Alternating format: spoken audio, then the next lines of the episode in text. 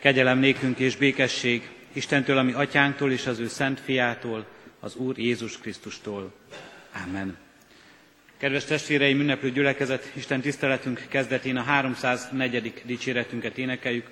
A 304. dicséretünk első versét fennállva, majd helyünket elfoglalva a második, harmadik és negyedik versek, negyedik, ötödik, hatodik verseket, az első hat verset énekeljük tehát.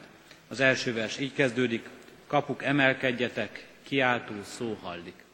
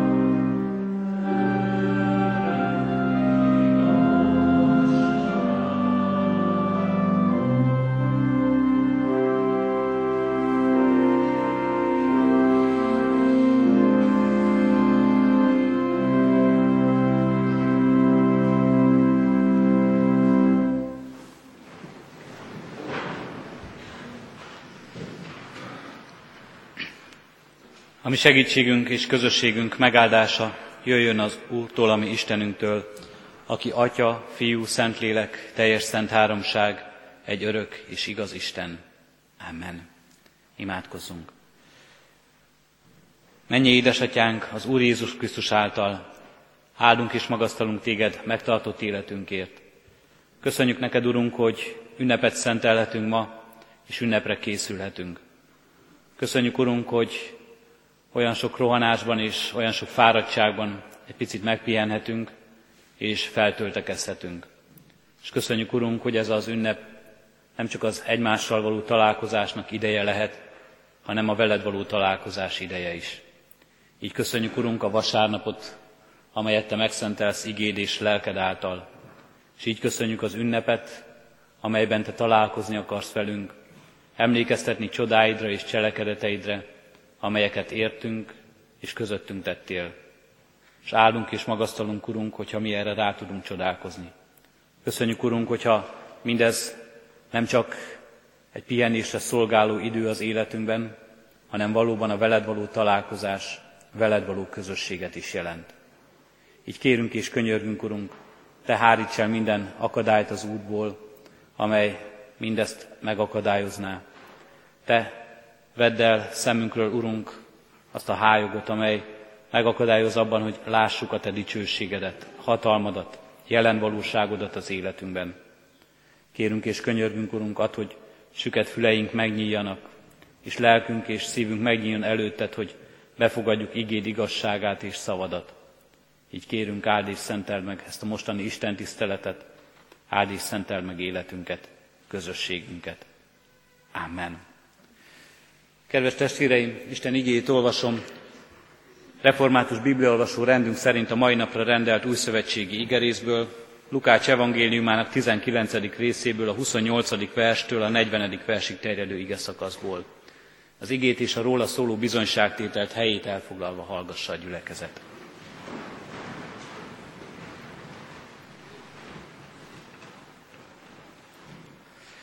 Miután ezeket elmondta Jézus, tovább haladt Jeruzsálem felé.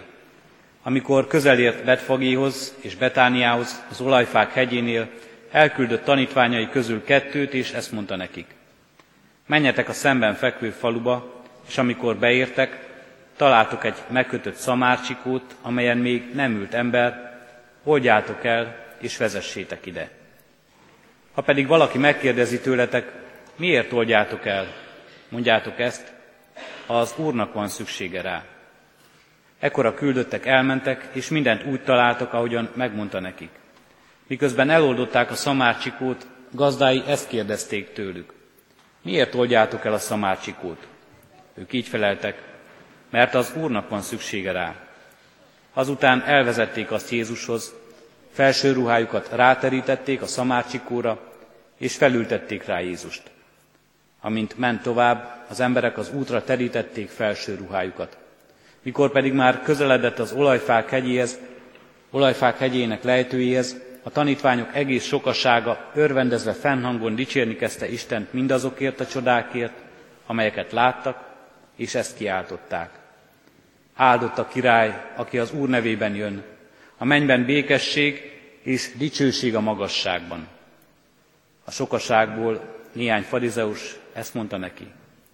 Mester, utasítsd rendre tanítványaidat. De ő így válaszolt, mondom nektek, ha ezek elhallgatnak, a kövek fognak kiáltani. Eddig Isten írott igéje. Egyetlen verset szeretnék kiemelni a felolvasott igerészből, testvéreim, a 38. verset, mely így szól.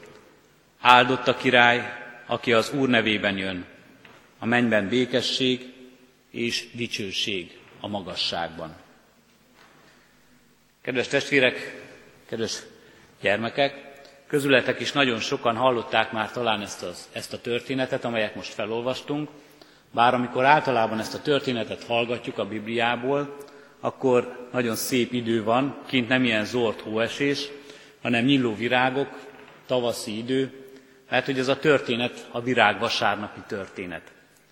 Húsvét előtt egy héttel szoktuk nagyon gyakran olvasni és hallgatni ezt a történetet.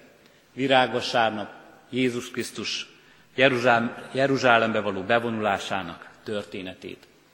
Sokat hallottátok talán már ti is ezt a történetet, és onnan ismerős is nektek, és ismerős az a kedves kép, ahogyan Jézust egy szamár csikón ülve ábrázolják a festők vagy a rajzolók, ahogyan az emberek pálmaágakat lengetnek és ruháikat terítik oda elé. Ez a királynak járó tisztelet. A királyokat köszöntötték így, és a messiás, messiás királyt várták így ezzel a tisztelettel a hívő zsidó emberek. Mit keres a virág vasárnapi történet az adventi várakozásban? Mit keres ez a történet, ahol pálmaágak vannak, ahol szép idő van és örvendezés, egy tavaszi, egy csodálatos tavaszi történet, az ünnep egyébként, amelyhez köthető, még az is tavaszi ünnep. Mit keres ez a történet az ort hóesésben, a decemberi adventi várakozásban? Mondhatnánk azt, hogy ez a kijelölt ige szakasz a református bibliolvasó rend szerint, és ha így olvassuk Isten igéjét napról napra, akkor kötelezően ez kerül elénk, szegény Kálvin Jánosról, híres reformátorunkról szól az a történet, hogy előfordult vele, aki így olvasta Isten igéjét egy sorozatban, egymás után következő ige szakaszokat, hogy egy karácsonyi, szentesti ige hirdetés alkalmával az az ige került elé Mózes könyvéből, hogy ne főzd a gödőjét az ő anyjának tejében. Ha már nagyon nehezen tudjuk érteni is ezt az igét a Károli fordításból, hogy mit jelent ez, és hogyan lehet erről karácsony este prédikálni. Valószínűleg Kálvin János sem erről prédikált, és nem így a törvényt mondta el ebben a, ebben a prédikációban. Egy híres történet ez arról, hogy mit is jelent az, ha az ember olvassa a Szentírást, és napról napra olvassa a Szentírást, hogy sokszor arra a napra szóló üzenet szinte lehetetlen fejtörés elé állítja, hogyan kerül ez ide ez a történet. Mi közön van nekem ehhez a történethez? Mi közünk van nekünk karácsony előtt, advent idején a virág vasárnapi történethez? Szerintem nem csak annyi, hogy a bibliolvasó kalauz ezt a történetet adja elénk. Ugyanis ez a történet is egy megérkezésről szól, ez a történet is egy váradalom beteljesüléséről szól. Az, amit a tanítványok itt kiáltanak, nagy lelkesedéssel áldott a király, aki az Úr nevében jön, egy idézet az Ószövetségből, a Zsoltárok könyvéből, 118. Zsoltárból. Igazából a templomba lépés előtti imádság és énekelt Zsoltár ez, amelyet az emberek elmondtak. A virágvasi vasárnapi történetben Jézus bevonul, megérkezik Jeruzsálembe. A karácsonyi történetben, amelyet majd holnap hallunk és holnap olvasunk, Isten fia, Jézus Krisztus megérkezik ebbe a világba, bevonul ebbe a világba, teste töltésében. Az adventi várakozásban, amelyenben ma is együtt vagyunk, és most már mind a négy gyertya ég az Úr asztalán, mind a négy gyertya ég az adventi koszorúban, az adventi várakozásunkban azt várjuk, hogy Jézus Krisztus királyként visszatér ebbe a világba, amelyben élünk. Visszatér a világunkba, ahol őt most nem látjuk. Ez a mi adventi várakozásunk. Jézus Krisztus királyként bevonul ebbe a világba, amelyben élünk. Nem csak Jeruzsálembe, és nem csak időlegesen, nem csak néhány napra lehet ott vele találkozni, hanem az örökké valóságban mutatja meg magát és hatalmát.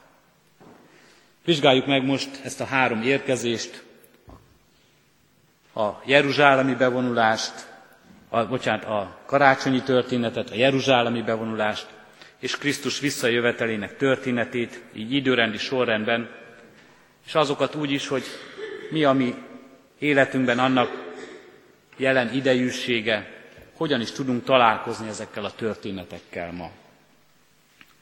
Jézus érkezése ebbe a világba, a testet öltés története, karácsonyi történet. Erre készülünk nagy várakozással, erre a napra. A gyermekek tele vannak izgalommal, hogy vajon mi lesz az ajándék, vajon milyen lesz a karácsonyfa, mennyire lesz szép. A gyermekek ünnepe, körülöttük forog minden, valójában azért azt érezzük felnőttként, hogy nem csak a gyermekek örülnek a karácsonynak, mi is örülünk. Mert ajándékot kapni gyermeki lélekkel kapja a felnőtt is. Nagy örömmel, elfogadással, hálaadással. És talán a felnőttek már azt is nagyon jól átélik, hogy nem csak megajándékozottnak lenni jó, nem csak ajándékot kapni jó, hanem ajándékot adni is jó. Különösen akkor, ha látjuk, hogy a megajándékozott nagyon örül annak. Egy csodálatos ünnep, egy nagyon megkapó ünnep. Ünnepi díszbe öltözik az egész világ eh, ezen az ünnepen.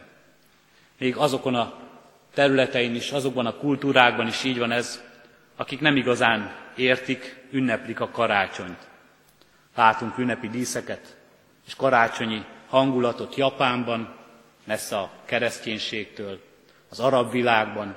Sok helyen megjelennek a karácsonyi díszek, a karácsony hangulata próbál belopózni mindenhová. Ünnepi díszbe öltözik a világ, ünnepi díszbe öltöztetjük az otthonainkat, sokan talán már ma elkezdik ezt. Ünnepi díszbe öltözik a templomunk, látjuk itt is ezt a szép fát. De a karácsonyi történetet, ha magunk elé idézzük, azt látjuk, hogy ott az első karácsonykor, Krisztus testet öltésekor, ott és ekkor nem volt olyan nagy az ünneplés. Nem mondhatjuk, hogy nem volt, mert azt látjuk, hogy eljönnek azért a pásztorok, egy kicsit lenézett, az élet szélére sodort emberek, hoznak ajándékot, néhány bárányt talán a kis Jézusnak, eljönnek messze távolból az idegenek, a bölcsek, drága ajándékokat hoznak Jézusnak, róluk azt halljuk, hogy hárman voltak, de a többség elmarad.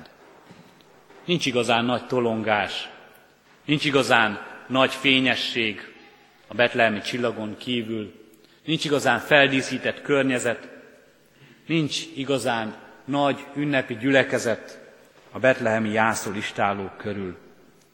A többség elmarad az első karácsony alkalmával kivéve a menny fiait, az angyalokat. Az angyalokat, mert a legnagyobb ünneplés és a legnagyobb dicsőítés az angyalok karától érkezik karácsonykor, amikor Jézus Krisztus meg elérkezik első eljövetelekor, megérkezik ebbe a világba, a mi világunkba. Azt olvassuk ebből a történetből, hogy az angyalok igazán tudják, hogy mi történik itt. Ők igazán megértik, átélik ennek az ünnepnek nagyságát, az Istennek nagyszerűségét, amely megjelenik a teste töltésben, abban a karácsonyi kicsiny gyermekben, ott Betlehemben. A másik érkezés Jézus Krisztus érkezése Jeruzsálembe, amelyet most olvastunk fel. Jézus Szamár Csikó hátán vonul be, és elkezdődik valójában, itt már elkezdődik a passió története, az, amelynek a vége az ő keresztre feszítése, és majd utána feltámadása. A virágvasárnapi történet. Hozsannázó tömeg várja itt már Jézust.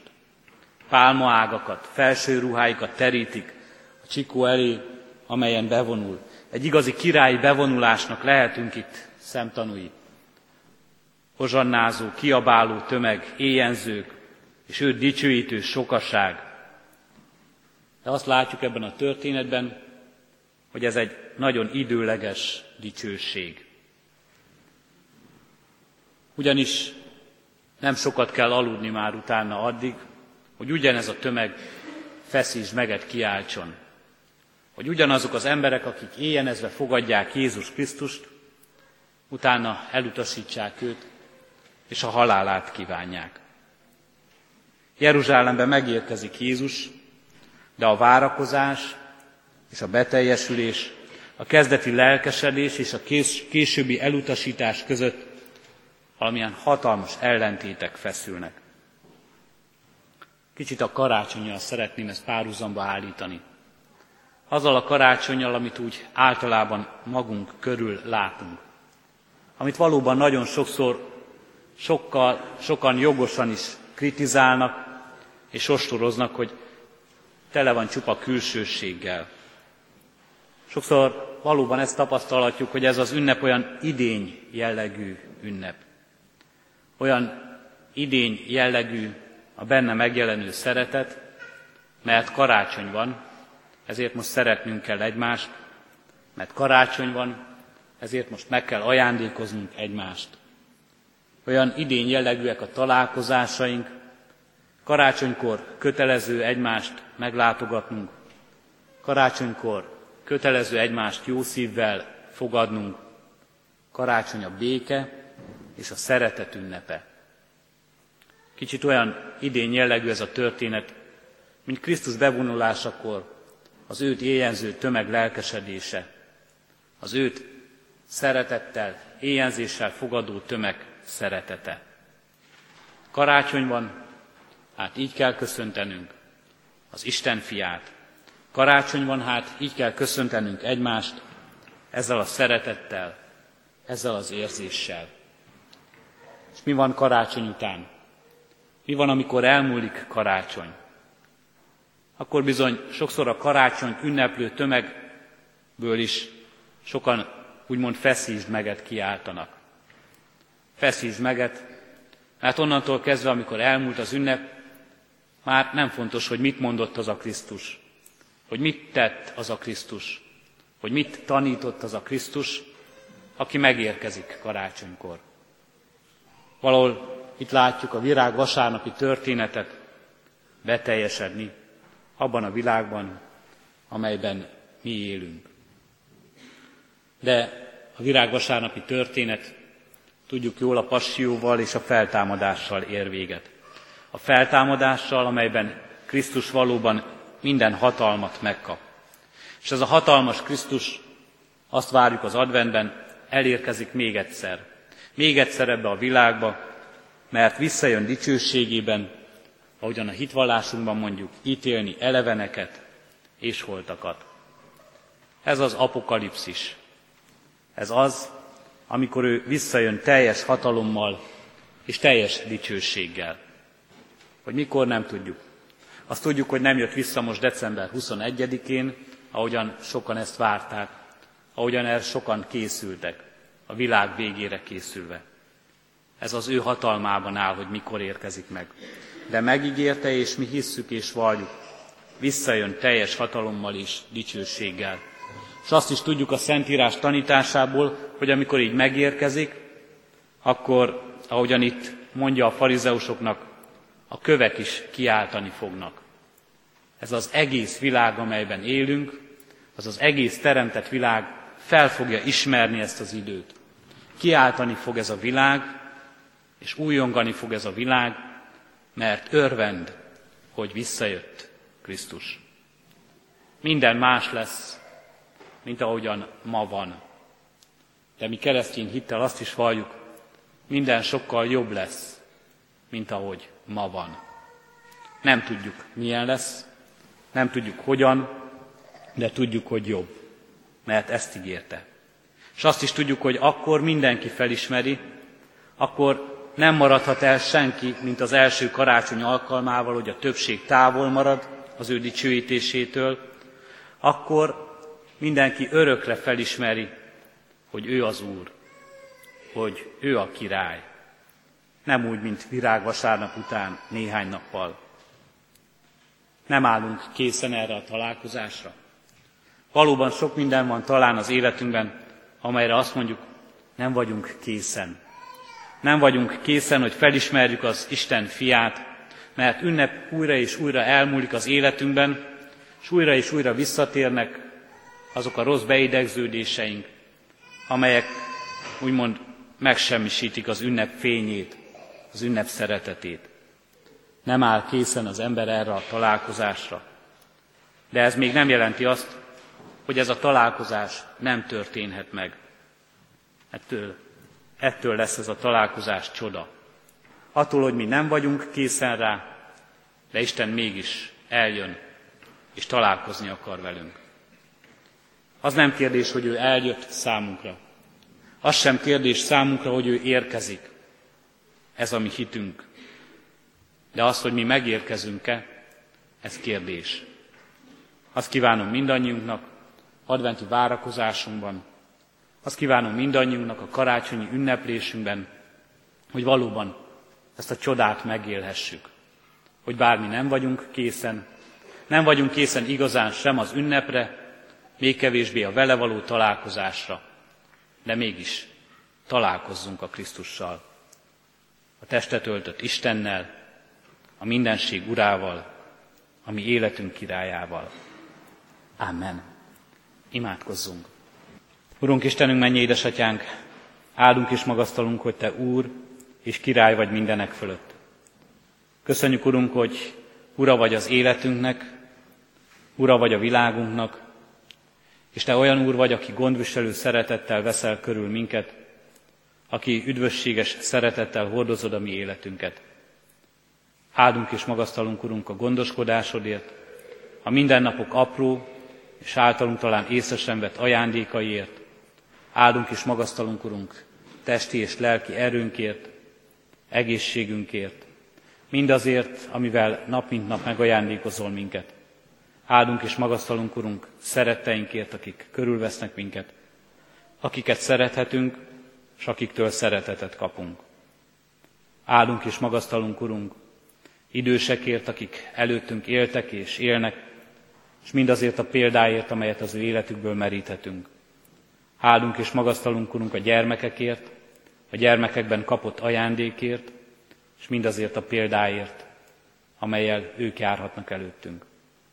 Adorunk, hogy mi is mindannyian örök gyermekként, gyermeki lélekkel fogadhassunk téged, őszinte bizalommal, hátadva neked életünket, tiszta szeretettel és csodálattal és hódolással. Kérünk és könyörgünk, Urunk, att, hogy így lehess számunkra Te az ajándék, az igazi, az örökkévaló, a teljességet hozó. Kérünk és könyörgünk, Urunk, így légy velünk ebben az ünnepben, áld és szenteld meg együttlétünket, gyülekezeti közösségünket és a családok közösségét is. Amen. Mi, Atyánk, aki a mennyekben vagy, szenteltessék meg a Te neved. Jöjjön el a Te országod, legyen meg a Te akaratod, amint a mennyben, úgy a földön is. Mindennapi kenyerünket add meg nékünk ma, és bocsáss meg védkeinket, miképpen mi is megbocsátunk az ellenünk védkezőknek. És ne védj minket kísértésbe, de szabadíts meg a gonosztól, mert Tiéd az ország, a hatalom és a dicsőség, mind örökké. Amen. Az Atyának szeretete, a mi Urunk Jézus Krisztusnak kegyelme és szent lelkének közössége legyen és maradjon minnyájunkkal most és örökkön örökké. Amen. Isten tiszteletünk végén testvéreim a 308. dicséretünket énekeljük. A 308. dicséretünknek első, negyedik és ötödik verseit. Az első vers így kezdődik, igaz Isten ígéretedben változhatatlan valóság. Mm.